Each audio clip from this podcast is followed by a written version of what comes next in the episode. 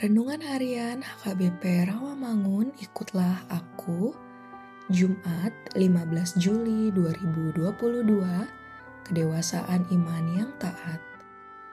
Bacaan pagi ini diambil dari kitab Lukas 9 ayat 18 sampai 26 Bacaan malam ini diambil dari kitab 1 Samuel 24 ayat 13 sampai 23 dan kebenaran firman Tuhan hari ini akan kita dengarkan dari kitab Keluaran 32 ayat 26. Maka berdirilah Musa di pintu gerbang perkemahan itu serta berkata, Siapa yang memihak kepada Tuhan datanglah kepadaku.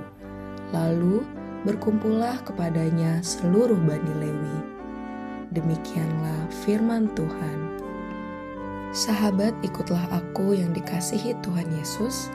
Bangsa Israel adalah bangsa yang menyembah Tuhan Allah, tetapi iman mereka belum dewasa. Ketidakdewasaan mereka terbiasa bergantung dan membawa semua masalah kepada Musa.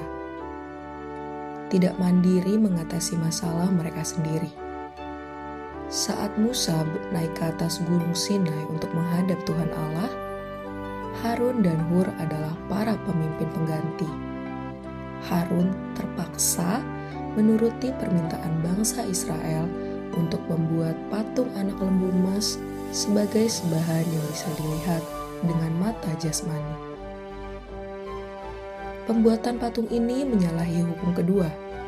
Patung yang bisa dilihat, bangsa Israel telah merendahkan Allah Pemahaman kita tentang Allah seharusnya dibentuk sepenuhnya oleh apa yang telah Allah nyatakan dalam firman-Nya.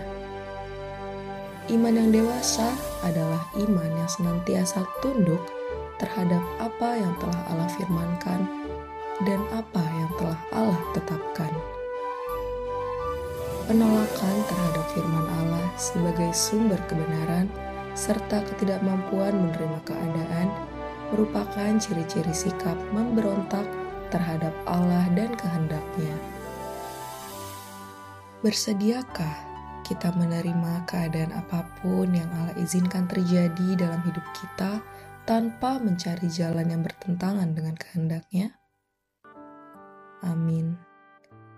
Marilah kita bersatu di dalam doa. Ya Bapa, tambahkanlah hikmatmu kepada kami, sehingga kami beriman dan sabar aktif, penuh pengertian, dan bertumbuh menuju kedewasaan. Amin.